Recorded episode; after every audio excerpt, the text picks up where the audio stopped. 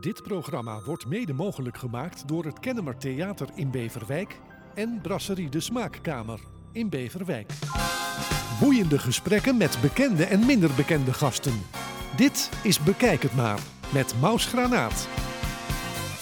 Welkom lieve mensen bij weer een nieuwe podcast van Bekijk het maar. Vandaag deel 2 met uh, onze gast Jacques Kleuters. Vorige week uh, uh, ja, hadden we zoveel vragen over. Toen heb ik aan hem gevraagd van... Goh, Sjaak, zou je een deel 2 met mij willen opnemen? Nou, dat is dan vandaag. En ik ben blij dat hij er weer is. Sjaak, we hebben het vorige keer natuurlijk een beetje gehad... Uh, over je geboortestad Amsterdam. We hebben het gehad over je tijd uh, met Donkey Shocking. Over je universitaire periode daarvoor. over het schrijven van boeken. Maar waar we het niet over hebben gehad... dat is over het schrijven van de biografie van Toon Hermans... Waarom heb jij een biografie over Toon geschreven? Ja, ik heb uh, de laatste 15 jaar van zijn leven ben ik veel met hem opgetrokken. Ja. En uh, ik was huisvriend daar zo in het gezin. Was dat en, in Zandvoort of was het in, in Sittard? Nee, het begon in Hilversum dat ik bij ze over de vloer kwam. Dat was ja. in uh, 89 denk ik. En een gegeven moment is hij naar Bos en Duin verhuisd toen Rietje overleden was. Ja. En uh, dus, is dan, uh, dus uh, um, Hilversum en Bos en Duin, dat is eigenlijk waar ik geweest ben. En ik vond het het meest merkwaardige gezin waar ik ooit geweest was. Ik vond het alles bijzonder eigenlijk. En ik kon heel goed opschieten met Toon Hermans. Er waren veel gesprekken over het vak en zo. Mm-hmm. En hij filosofeerde ook graag. En hij had het heel graag over God. Had hij het ook altijd Maar daar had ik niet zo'n interesse in. Dus dat hield ik altijd een beetje af. Maar goed, um, op een gegeven moment zei Toon tegen mij, hij zei, wij kunnen lekker kletsen. Hij zei, je zou eigenlijk eens een keer een, uh, een programma op de televisie moeten maken met mij. Want hij zei, ik ben een clown en ik word nooit serieus genomen. Maar ik heb eigenlijk best wel wat te vertellen ook. Dus uh, en ik nooit de juiste persoon tegen maar dat ben jij. En jij moet mij interviewen voor de televisie. Nou, dat hebben we toen gedaan. We hebben vijf programma's gemaakt voor de VARA was het, denk ik. En waarin ik Toon Hermans uitgebreid interviewde over zijn leven. Dus daar was veel research was daar aan betrokken. Want ik denk, ja, ik moet natuurlijk van alles weten. Ja. En dus kon ik hem ook gestuurd vragen. Want anders ging hij steeds filosoferen, weet je wel. Was dat de basis voor je biografie die ja, je later ik denk het wel. Daar is het mee begonnen, ja. ja. En uh, toen op een gegeven moment was hij overleden. En toen zat ik dus met al die bandjes van, die, van de televisie-interview dat ik gemaakt ja, had. Ja. En waarin hij over zijn verleden vertelde en zo. Toen dacht ik van, nou ja, daar kan ik ook wel een biografie, geschreven biografie uithalen. En uh, toen ging ik nog wat meer researchen. Ging ze verzameld werk uitgeven op CD samen met Lisa Wade. en ik ging daarna nog zijn verzamelde DVD's uitbrengen, 22 DVD's. Dus daar moest ik heel veel voor opzoeken en beluisteren. En ik kwam dus steeds meer te weten van hem. En ik kwam er ook steeds meer achter dat datgene wat hij zelf verteld had in het interview met mij, dat dat niet noodzakelijk allemaal waar was. Oké. Okay. Maar dat hij dus een soort van mythe opgebouwd had. Het verhaal van Toon Hermans. Om zichzelf heen. Om zichzelf heen. En dat dat uh, soms uitvergroot was, soms onwaar was, soms toch weer even wat anders. Hij had liever het goede verhaal dan het ware verhaal. En toen dacht ik van ja, maar als ik een biografie ga schrijven, dan moet ik niet gaan opschrijven wat hij zelf al verteld heeft. Dan moet ik opschrijven wat ik, waar ik achter ben gekomen, wat ik zelf te weten ben gekomen. En ik had andere vragen dan hij zichzelf stelde. Dus toen ben ik aan de slag gegaan en uh, dat is een hele klus geworden, maar het is ook een hele mooie klus geworden. En toen dacht ik, ik ga het opschrijven, zodat je het kan lezen als een roman. Gewoon ja. lekker goed geschreven, dat je de bladzijde doorslaat en dat je wil weten hoe het verder gaat. Nou, en dat is gelukt. Het is een heel dik boek geworden, maar zijn hele leven nou, staat het is, in. Het is bijna een vuistdikke roman. Ja, en, noem het maar een roman. Ja, want je kan, het, je kan inderdaad blijven lezen. En, en, en vaak is een biografie uh, een verzameling van feiten. En dit is eigenlijk wel meer een, een, uh, ja, een verhaal, een, een roman, een... Uh, hoe wil je het noemen? Ja, heb, nou ja, ik probeerde het in ieder geval zo ik heb hem in mijn uh, lekker hij weet op te schrijven, kilo, dat kilo, het goed leesbaar is. Ja. En het was een succes. Het heeft vier drukken gehad en het is goed verkocht. En, ja. Uh, ja, dus je bent nu, uit de kosten gekomen, Sjaak? Uiteindelijk, nou ja, maar ik ben er tien jaar mee bezig geweest. Ja. Dus als je dat dan per uur gaat rekenen... Dat moet je ja, natuurlijk nee, nooit dat doen. Moet je, dat moet je niet doen. Nee, dat doen we niet. Ik denk als een poppenmaker een pop voor 1500 euro verkoopt, maar zijn uren zou moeten rekenen, dan moet zo'n pop 6000 euro opbrengen. Dat, Ja, dat, dan heb je er geen. eh, en als je een podcast zou maken en je gaat rekenen wat je daar allemaal aan telefoontjes en uren in hebt zitten, dan zouden die, die, die 30 luisteraars, die zouden allemaal mensen... 30? 3 miljoen? Eh, nou ja, nou, wel, wel meer. Wel, meer dan 30. Nee, echt, echt, echt meer dan 30. Maar dat is echt allemaal liefdewerk, oud papier. Dat doe je. Ja, en dat. eh, nou ja, goed. De ene gaat s s'avonds naar de kroeg. En ik vind het leuk om, om podcasts te maken. Nou, daarom ben ik hier ook graag. Want ik heb mijn hele leven geprobeerd om een beetje weg te blijven van de wereld waar het grote geld verdiend wordt. En die plekken op te zoeken waar, dingen mensen, waar mensen dingen uit liefde doen. En zeg je mooi, dat ja. is eigenlijk een veel interessanter en leuker milieu eh, om te verkeren. Ja. En ja, ik heb ook mijn hele leven, ik heb allerlei dingen gedaan. eh, eh, maar het komt er eigenlijk op neer dat ik een, toch een soort van onderwijzer ben. Ik wil mensen toch altijd iets aanwijzen en iets leren en iets vertellen over wat ik mooi vind en wat Iets ik vind. meegeven. Ja, dat is toch een Wat, als ik je nu zou vragen, wat zou je die duizenden luisteraars die dit horen willen meegeven dan? Nou, geef de moed niet op. En kijk om je heen en zie dat er overal geweldige, lieve, aardige mensen zijn die niet schelden en die niet schreeuwen en die niet elkaar eh, voor vuile vis uitmaken. En dat mensen heel veel voor je over hebben. En eh, eh, ja, zoek de liefde op. Maar ik kan het niet mooier zeggen. Dat is Nou. heel mooi. Mooi, Sjaak. Ehm, ook het schrijven van eh, en het samenstellen van zangbundels. Ja, Ehm, deed, je naast, deed, dat, deed je dat naast je gewone werk? Ik heb hier de cd... eh, ik heb nooit gewerkt. Nee, dat is mooi als je dat kunt zeggen. Dat vind ik heel mooi, Sjaak. Je hebt nooit gewerkt. Je hebt altijd met plezier je hobby uitgevoerd. Kijk, mijn oom die woonde in warme huizen en die was landbouwer. En die werd Warme s'morgens- Die, warme tuut. Ja. En die werd 's morgens om vijf uur werd hij opgehaald met een busje met nog een aantal mensen uit Warmhuizen. En die moesten dan naar de hoogovens. Hè? En daar moesten ze ammoniakflessen vullen. En dat noem ik werken. Ja. Als je de wekker moet zetten, als je je nest uit moet en dan, en dan voor een baas zeggen een rottig loon iets moet doen. En eh, werken, dat is iets waar je mee ophoudt als je 65 of 67 bent. ja. Maar ik ben 76 en ik, ik ben nog steeds bezig. Dat houdt helemaal nooit op. Met plezier. Met plezier, Ja. avec plezier. Avec plezier. En dus in die zin heb ik nooit gewerkt. Dat ik heb heel weinig bazen gehad in mijn leven. Ik heb heel weinig taakstellend voor, eh, overleg gehad. Of hoe het allemaal heten mag, wat mensen de hele dag moeten doen. Mhm. Zitten allemaal te vergaderen en uh, gezeuren en moeten rapporten schrijven. En al, die, al dat gezeik. Ik heb nooit sprake gehad van eh, vakantiedagen en hoeveel dagen heb ik nog te goed. En is het kerstpakket groter uit dit jaar dan vorig jaar. Al die dingen heb ik nooit gehad. En ik vind me dan toch wel een gelukkig mens. Want ik heb toch ook, ondanks alles, heb ik toch al geld verdiend. Ja. En niet zo dat ik nu niks meer hoef te doen, want ik moet nog gewoon werken. ja. Maar Maar mo- moet je werken of wil je werken? Het is een vraag die ik wel eens vaker stel aan mensen die wat meer op leeftijd zijn. Want in jouw vak, eh, over, over wie... eh, oh ja, we hadden het eh, off the record eventjes over Adele Bloemendaal. Je bouwt geen pensioen op als je cabaretier bent. nee, ofwel. Wat zeg je? Ofwel, je kunt natuurlijk wel pensioen opbouwen Ja, als je goed verdient. Maar wij ja. hadden een cabaret, we waren met z'n vijven. Ja, En nog een geluid en een lichtman. Dus je, dan heb je al heel wat salarissen. Ja. Hè? En in die tijd waar wij het over hebben, de jaren 70, ja, toen verdienden die cabaretiers nog niet zoveel. Maar die huidige cabaretiers, die staan in een eentje in een spijkerbroek en een hemdje op het toneel heen en Ja. weer te dribbelen eh, op oude sneakers. En die gaan met 10.000 euro per avond naar huis. ja, Ik bedoel, ja, hallo, dan ga je groot verdienen. ja. Maar wij verdienen een paar honderd euro in de maand. Dus daar hou je niet echt een, eh, een eh, nou, een paar Kapitaal aan honderd overdreven. Maar in onze goede tijd hadden we geloof ik iets van 2.500 of 3.000 euro. PP per maand. Ja, Ja, ja. Nou, en dan moet je dus inderdaad geld opzij proberen te zetten. Want we deden er nog allerlei dingen bij. En eh, dat je elk jaar, weet ik veel, een buffertje of zo overhoudt. Ja, dat dikke jaren en je had magere jaren. Hè? ja, ja dat klopt. En, eh, Ja.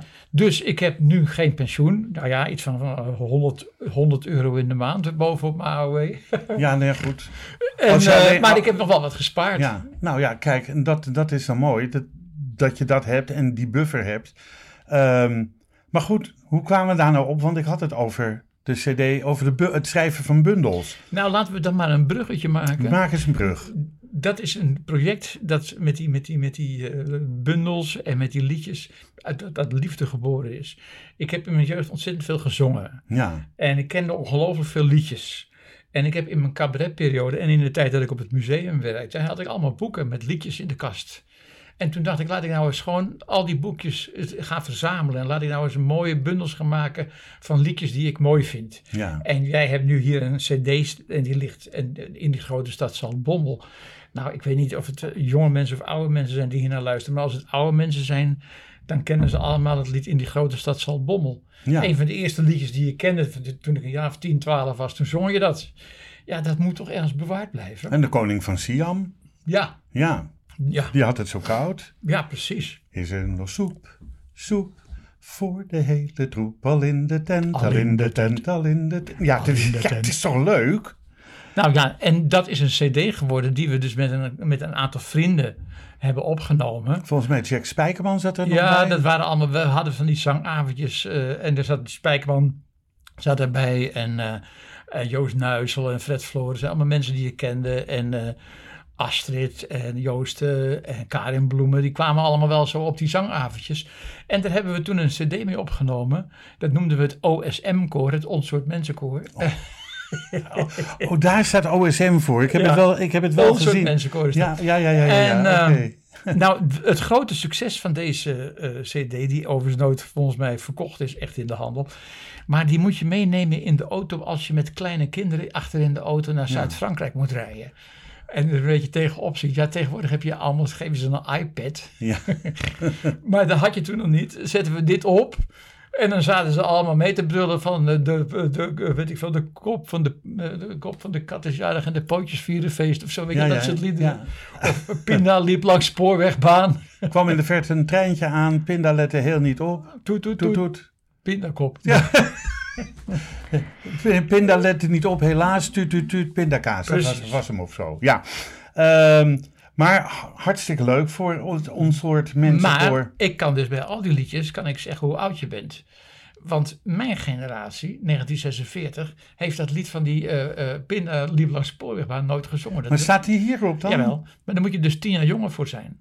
En dan zitten de liedjes op, die werden alleen in pro- protestant-christelijke kring gezongen. En andere liedjes werden juist in katholieke kinderen gezongen. Oh, is dat zo? Ja. Dat, oh, wat grappig. Ik kan dat wel onderscheiden. Nou, de, de pinda staat er echt niet op. Nee, de, Mm. moord, de moord van Raamsdonk. Oh Ja. ja, dat was ook zo'n lekkere. en Olga. En Julia is zo mooi. Ja, het waren allemaal eh, leuk, leuke liedjes. Ehm, maar goed, eh, komt er nog zoiets van een bundel van jouw hand? Of, eh, of helemaal niet? Nou, ik ben wel bezig met een bundel met de mooiste liedjes van Speenhof. Speenhof was dus de eerste... eh, Cabaretier eigenlijk? Ja, dichterzanger. eh, Ja. Cabaretier, dat woord bestond nog niet eens Nee, in dat bestond niet. Hij, nee, Nee. nee, nee, nee, nee. Maar eh, het was wel een singer-songwriter. Hij schreef zijn eigen liedjes en eh, hij was onvoorstelbaar populair aan het begin van de vorige eeuw. En sommige van die liedjes die hebben nog wel een be- zekere bekendheid. Daar, komen de schutters, daar komen ze aan. De mannetjesputters Precies. uit Rotterdam. En het broekje van Ja. Jantje is nog wel bekend. En een brief van een moeder aan haar zoon in de gevangenis. Mijn lieve zoon, je moeder laat je weten. En ehm, Ja, dat Oh ja. waren onvoorstelbare mooie liedjes. En ik vind dat het tijd wordt dat die weer eens een keer bij elkaar gebracht worden. En, eh, want dat is toch wel cultuurgoed hoor. ja, dat is het zeker. Ben je ooit onderscheiden eh, door Hare Majesteit? Nee. Geen, ko- nee, eigenlijk, Moet dat dan? Nee, ik zeg niet dat moet, maar het zou wel leuk zijn als er iemand die zoveel heeft gedaan aan het, eh, aan het cultuurerfgoed van Nederland, op, op het gebied van, van, nou ja, van kleinkunst, cabaret. eh, Maar Maus, ik ga je nou toch een beetje tegenspreken. Ik vind het Ja, altijd mag. wel leuk als, eh, als mensen een onderscheiding krijgen. omdat ze zich ingezet hebben gratis voor eh, rolstoelen duwen. of weet ik veel. Zorgen dat Tata Steel eh, verdwijnt eh, eh, uit de duinen van Dat- Wijk aan Zee. dat zou mooi zijn. Ja. Dat, soort, dat soort dingen die uit liefde en uit plezier gebeuren en die geen geld opleveren. Maar ik heb altijd geld gekregen voor die bundels die ik gemaakt heb en voor het cabaretwerk wat ik gedaan heb. Dus dit is gewoon, het is gewoon Dus eigenlijk, beroep. eigenlijk ben je het niet eens met iedereen die onderscheiden wordt, omdat hij eh, Omdat hij 40 jaar in de zaak ja, is. of, Nee, of omdat hij eh, ehm, eh, 40 jaar in het cabaret is. Of omdat nee, hij. nee, Nee, dat vind ik onzin. oké. Daar, zou, daar zou, ik- zou ik ook niet voor beloond willen worden, want ik ben daar al voor beloond. Maar mijn vader, Ja, die dus jarenlang gratis steun bracht aan arme mensen, et cetera. eh, eh, dat was in de jaren 50 zo. Ja, die wou geen eh, onderscheiding hebben, omdat hij bang was dat zijn naam dan in de krant zou komen zonder twee puntjes op de O. Dat er dan dat stond meen je niet. kloters. Oh ja, oh, En daar was hij bang voor. ja. En Wat eh, grappig. dat vind ik zo sneu dat die man zulke rare angsten had. En, eh, eh, en, en dat hij daardoor niet zo'n onderscheiding gekregen heeft, want die had het wel zeker verdiend. En zijn die angsten die hij had, want eh, volgens mij had je er al even eerder wat over verteld, ontstaan door de, door de Tweede Wereldoorlog? Of had hij die angsten daarvoor ook al? Ja, hij had die angst altijd. Hij kwam uit een enorm eenvoudig milieu, uit de Jordaan in Amsterdam. 16 kinderen, waarvan er de 9 à 10 overleden zijn. Hmm. En eh, een vader die dronken was en het, regelmatig het huis verliet. En een moeder die jong stierf. Gezin wat ontplofte. Mijn vader die eh, goed verstand had, moest op zijn vijftiende al werken. Veertiende al werken. Hij was eigenlijk een soort verkeeste jongen. Een jongen met, met jongen die, die droomt. Van, van. En eh, ja, mijn vader heeft het goed gedaan in het bedrijfsleven, is opgeklommen. En eh, we woonden in Amsterdam-Zuid op een gegeven moment op stand. Zo, Hè? Maar hij voelde zich daar toch op de een of andere manier bedreigd. Hij liep altijd met angst van, straks komt er iemand op me af en die zegt, meneer Klotus, u hoort eigenlijk in de Jordaan thuis. Wat doet u hier in de Beethovenstraat? oh, het was Die eigenlijk angst. een stukje En- bescheidenheid ook. Ja, status, bang voor statusverlies. Bang voor dat alles wat hij opgebouwd had plotseling teniet gedaan zou worden. En mijn moeder, die kwam uit warme huizen. Dat was een echte West-Friese. Nou, die liep met vuisten gebald door de Beethovenstraat. Dat de eerste, de beste die tegen mij zegt van... eh, mevrouw Kleuters, u woont toch eigenlijk... u moet toch naar warme huizen terug? Die kan een knal voor zijn kanus krijgen. Oh ja, Ja, die was agressief. die was wel tegen die Amsterdammers opgewassen. Ja, hè? zeker. Ja, Ja, ja, ja, ja, ja. Die kon ze heet doven. Zijn ze oud geworden, jouw ouders, of niet? Nou, mijn vader niet. Nee, mijn vader is 59 geworden Oh ja. en mijn, mo- mijn moeder is 87 geworden. Had je zelf, toen jij 59 was, ook het idee van, goh, eh, ik ben nu net zo oud ja, als... dat was wel een momentje. Ja. Ja. dat was wel een momentje, ja. Maar ik was wel blij dat ik die, dat ik die datum eh, gepasseerd eh, was. En nou streef ik ernaar om die 87 ook nog te halen. Van mama. Ja, ja. Ehm, even kijken, je hebt eh, ook het boek Voorwaarts leven en Achterwaarts eh, begrijpen geschreven. ja. Van wie is die quote en wanneer was deze op jou van toepassing? Oh ja, voorwaarts leven En achterwaarts, en achterwaarts begrijpen. Dat is heel erg op mij van toepassing. Omdat ik namelijk eigenlijk altijd een beetje met mijn rug naar de toekomst leef. En, eh, maar ik loop natuurlijk wel naar de toekomst, want ja, je kunt niet anders. Maar ik ben heel erg eh, altijd aan het terugkijken. Ik ben heel erg bezig om mijn eigen verleden nog eens tegen het licht te houden. En na te denken over hoe ging dat in de tijd, of waarom was dat, en wat zou- zou mijn vader daarmee bedoeld hebben. En zeker nu op latere leeftijd. En het kwam eigenlijk met internet en eh, Facebook, dat ik dacht van ik ga elke dag een stukje schrijven. Oh ja, En toen ben ik als het ware als een varken door mijn eigen mm, eh, eh, mesthoop heen gegaan op zoek naar lekkere hapjes. En, en lekkere hapjes, dat is een mooi verhaal. en dat, Een, een lekkere anekdote, een goed ding, een ontmoeting, een, iets wat ik me kan herinneren. En dat probeer ik dan zo levendig mogelijk op te schrijven. ik moest Zodat- vanmorgen denken. En dat gaat, dat begint steeds met het zinnetje, Ja. ik moest vanmorgen denken. Ja. Dat is een soort van vlaggetje. ja. Van, dat zo'n stukje is dat weer. ja, als ik dat op jouw Facebook zie staan, denk ik, oh, is weer een verhaaltje. Dat moet je weer even lezen. Ja, daar, daar dient dat, dat beginzinnetje voor. Ja, En ehm, nu, dat zinnetje, ik moest vanmorgen denken, dat staat op deel 2 van die boekjes. Maar het eerste heet voorwaarts leven, achterwaarts begrijpen. En dat is een eh, quote, dat is een, eh, een gezegde van Kierkegaard. En Kierkegaard was een eh, Deense dominee in de 19e eeuw, die ook als filosoof nog altijd heel hoog aangeschreven staat. En die zei dat, je moet het leven voorwaarts leven, maar achterwaarts begrijpen. En ik neem aan dat dat voor heel veel luisteraars en voor jou ook geldt. Dat als je op een zekere leeftijd komt, dan snap je eigenlijk pas dingen waar je vroeger aan voorbij bent gegaan. dat klopt. Ja, dat is waar. En sommige mensen kijken nooit achterom, Ja. want die- hebben misschien alleen maar alcoholische herinneringen eh, of zo, of hebben de behoefte niet.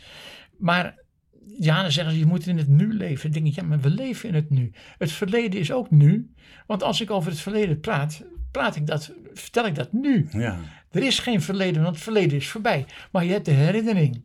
Nou, dit is een heel interessant punt. De heilige Augustinus, daar moet je mij even horen. Ik dacht dat jij niks met, eh, met was, religie was, had. eh, was een filosoof die zo rond 350 eh, leefde. En die zei van de tijd, wat is de tijd? Hij zegt, als je er niet naar vraagt, dan weet ik het. Maar als je ernaar vraagt, dan vind ik het ontzettend moeilijk om daar iets over te zeggen. En dat is ook zo. Dat Ja. is, wat tijd is, is iets heel moeilijks. Maar tijd is volgens mij een moment. Het nu is een moment. Maar ja, als je het erover hebt, is het alweer passé. Ja. Dan zit je alweer in de toekomst. Dus je kunt eigenlijk staande op het moment, kun je iets naar voren leunen, dat is de toekomst. En je kunt een stukje naar achteren leunen. Je kunt je zelfs omdraaien en met je gezicht naar de toekomst, met je rug naar de toekomst gaan staan en het verleden inkijken. Ja. En ik heb heel veel verleden. En of ik nog veel toekomst heb, dat weet ik niet. En daar weet ik ook verdomd weinig van. Daar kan ik ook heel weinig over schrijven en over vertellen. Maar over het verleden kan ik heel veel vertellen.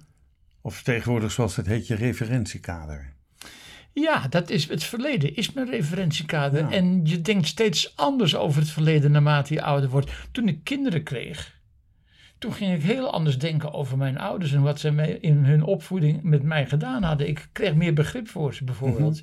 Ik ging anders naar mijn eigen jeugd kijken toen ik zelf kinderen had op die leeftijd. Hoeveel kinderen heb je? Twee zoons. Twee zoons. Ja. En die zijn beide niet het cabaretvak ingegaan? Nee, nee. Überhaupt niks met cultuur? Eh, nou, er is er één die is advocaat en eh, die, eh, die zit wel in de cultuur. In die zin, die is eh, gespecialiseerd in eh, auteursrecht en portretrecht Oh ja, en al die dingen ja. Dus die heeft veel te maken met contracten en met artiesten, dat soort dingen wel, ja.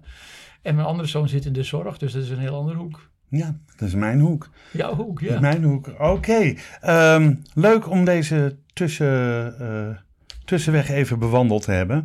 Ehm, dus het is mooi om, om, om die quote te bewaren. Voorwaarts leven, achterwaarts begrijpen. begrijpen. Ook de titel van het eerste deel van eh, Ik moest vanmorgen denken. Ja. Nou ja, dat wil ik nog wel even toelichten. Ik zei dus elke dag een stukje op Facebook. Nou ja, lopen we na 365 dagen heb je 365 stukjes. Ja. Nou, wat zijn er dan voor stukjes? Familiegeschiedenis, cabaretgeschiedenis, mensen die ik heb leren kennen, eh, ideeën, gedachten die ik onderweg eh, heb geordend. Dus het is van alles wat. Ja. Het is een hele grote mengeling van, eh, van, van dingen. En dat heb ik ook maar een beetje door elkaar heen gegooid. En dat is goed leesbaar volgens mij ook. ja, het is heel leuk om te lezen. Ehm, toen jij inmiddels 41 jaar geleden uit, ja, 41 jaar geleden uit Dolken Shocking stapte, wat is dat een, als ik zeg 41 jaar geleden, terwijl als ik de liedjes hoor, dan vind ik ze nog als van gisteren, eh, zijn er heel veel cabaretiers, cabaretières opgestaan. Eh, hou jij dat nog allemaal bij? En wie zijn cabaretiers of cabaretières waarvan jij zegt, top? Nou, er is, Buiten Lennet van Dongen natuurlijk. er is erg veel cabaret en ik kan het onmogelijk allemaal zien. Maar er is bijvoorbeeld in Amsterdam op dinsdagavond, één keer in de maand, de zogenaamde biesavond. En dan presenteren jonge cabaretiers zich, die net helemaal aan het begin staan. En ook wel wat gevestigde namen die al een beetje aan het try-outen zijn. En dan kun je dus eigenlijk elke maand kun je wel wat nieuwe namen langs zien komen, weet je wel. En dan zie je toch in de dop al wie goed gaat worden of wie niet goed gaat worden. Hmm. Dus, dat, dus die mensen, die heb ik dan wel eens een beetje eh, gevolgd. En je krijgt ook in de loop der jaren wel een aantal mensen waarvan je zegt, ja, maar die hebben leuke hersenen. Die, die vind ik spannend, weet je wel. Eh, eh, en, en sommigen zijn hele goede artiesten.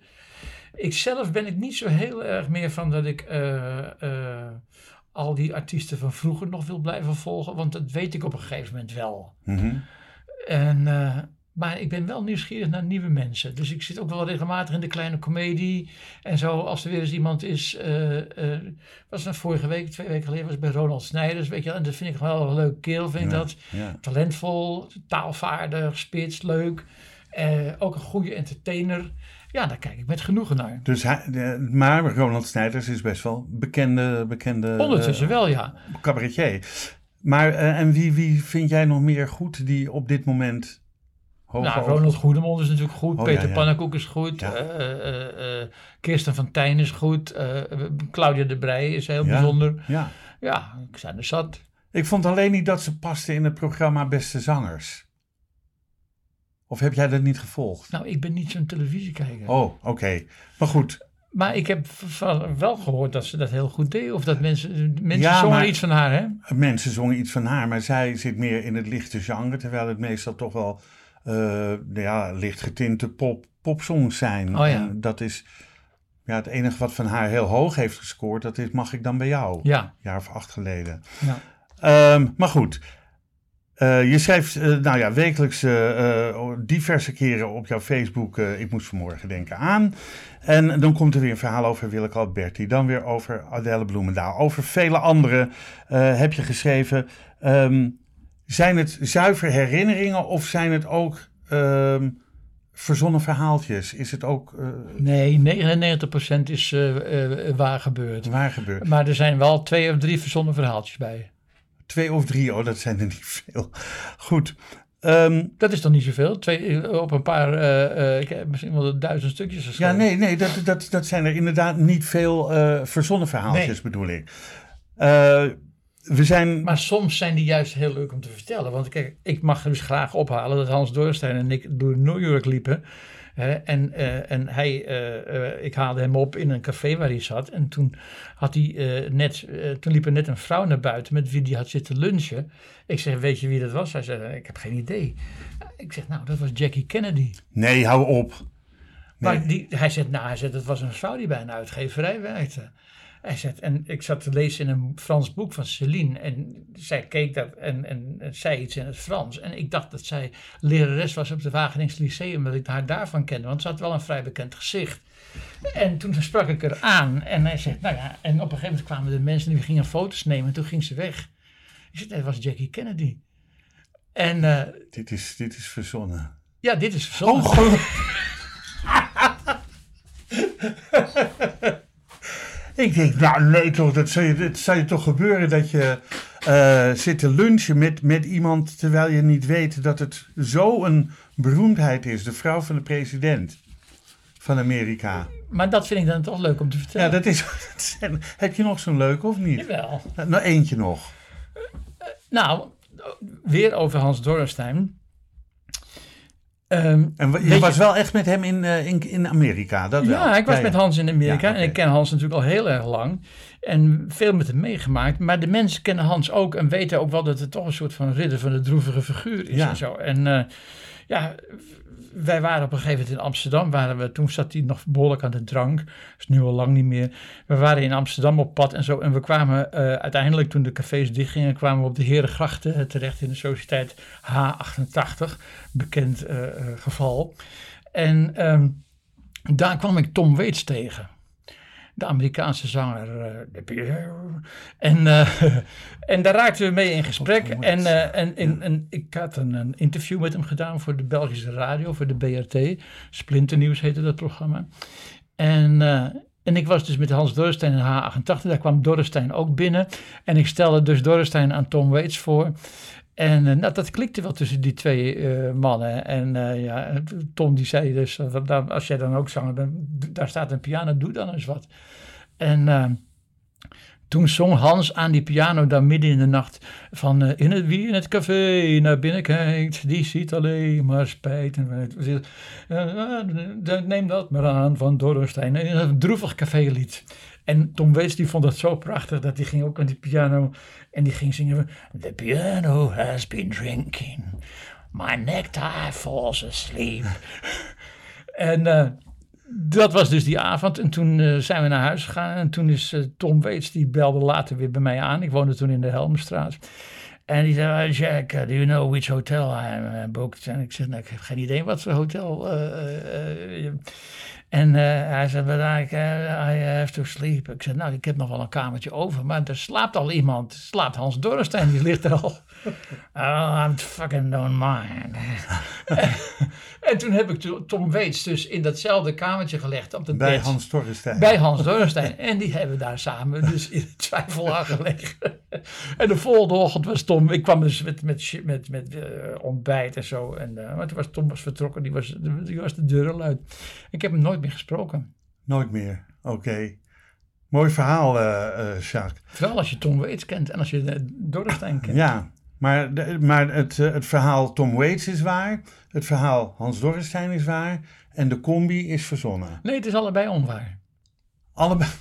Nee, maar je kent Dorrestein toch? Jawel, ik ja, ken Dorrestein maar je kent Waits niet. Nee. Oké. Is- Maar ja, goed. Dan komt Maar het- ik ben katholiek van huis uit. En dan kun je gewoon, als, als, ik- als ik gereformeerd zou zijn, Ja, dan zou ik dat soort dingen niet kunnen bedenken. Nee. Want dan gaat het om de waarheid. tuurlijk. Maar als je katholiek bent, dan kun je gewoon een beetje, eh, hè? Ehm Sjaak, Ja, eh, we zijn met hele grote stappen door jouw carrière gewandeld. Ja. We hebben best nog wel het een en het ander overgeslagen. gelukkig. Maar eh, als ik je zo vraag aan het einde van deel 2, waar ben je zelf het meest trots op als je jouw eh, werkgebied bekijkt?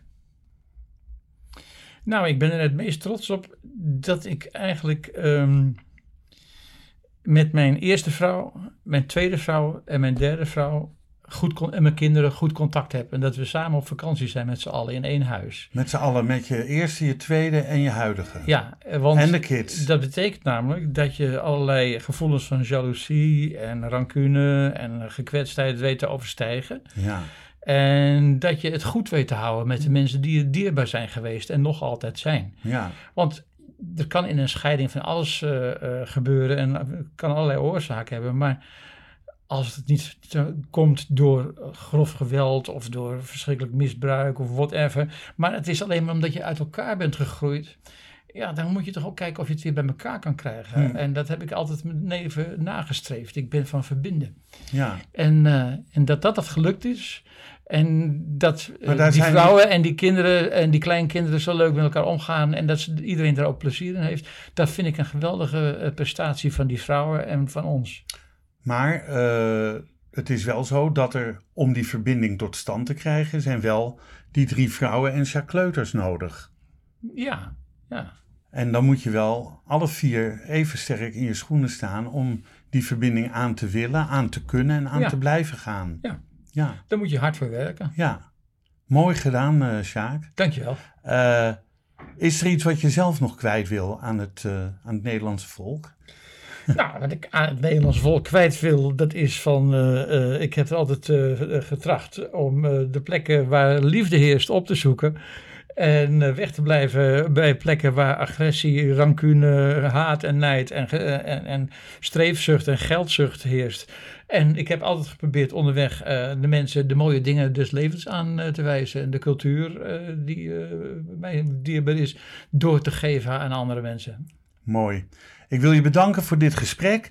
Deze podcast wordt uitgegeven door de Vrijstaat Roots. Alles is na te lezen op www.bekijkhetmaar.com. Dank voor het luisteren en wat mij betreft graag tot de volgende podcast. Dit programma werd mede mogelijk gemaakt door het Kennemer Theater in Beverwijk en Brasserie de Smaakkamer in Beverwijk.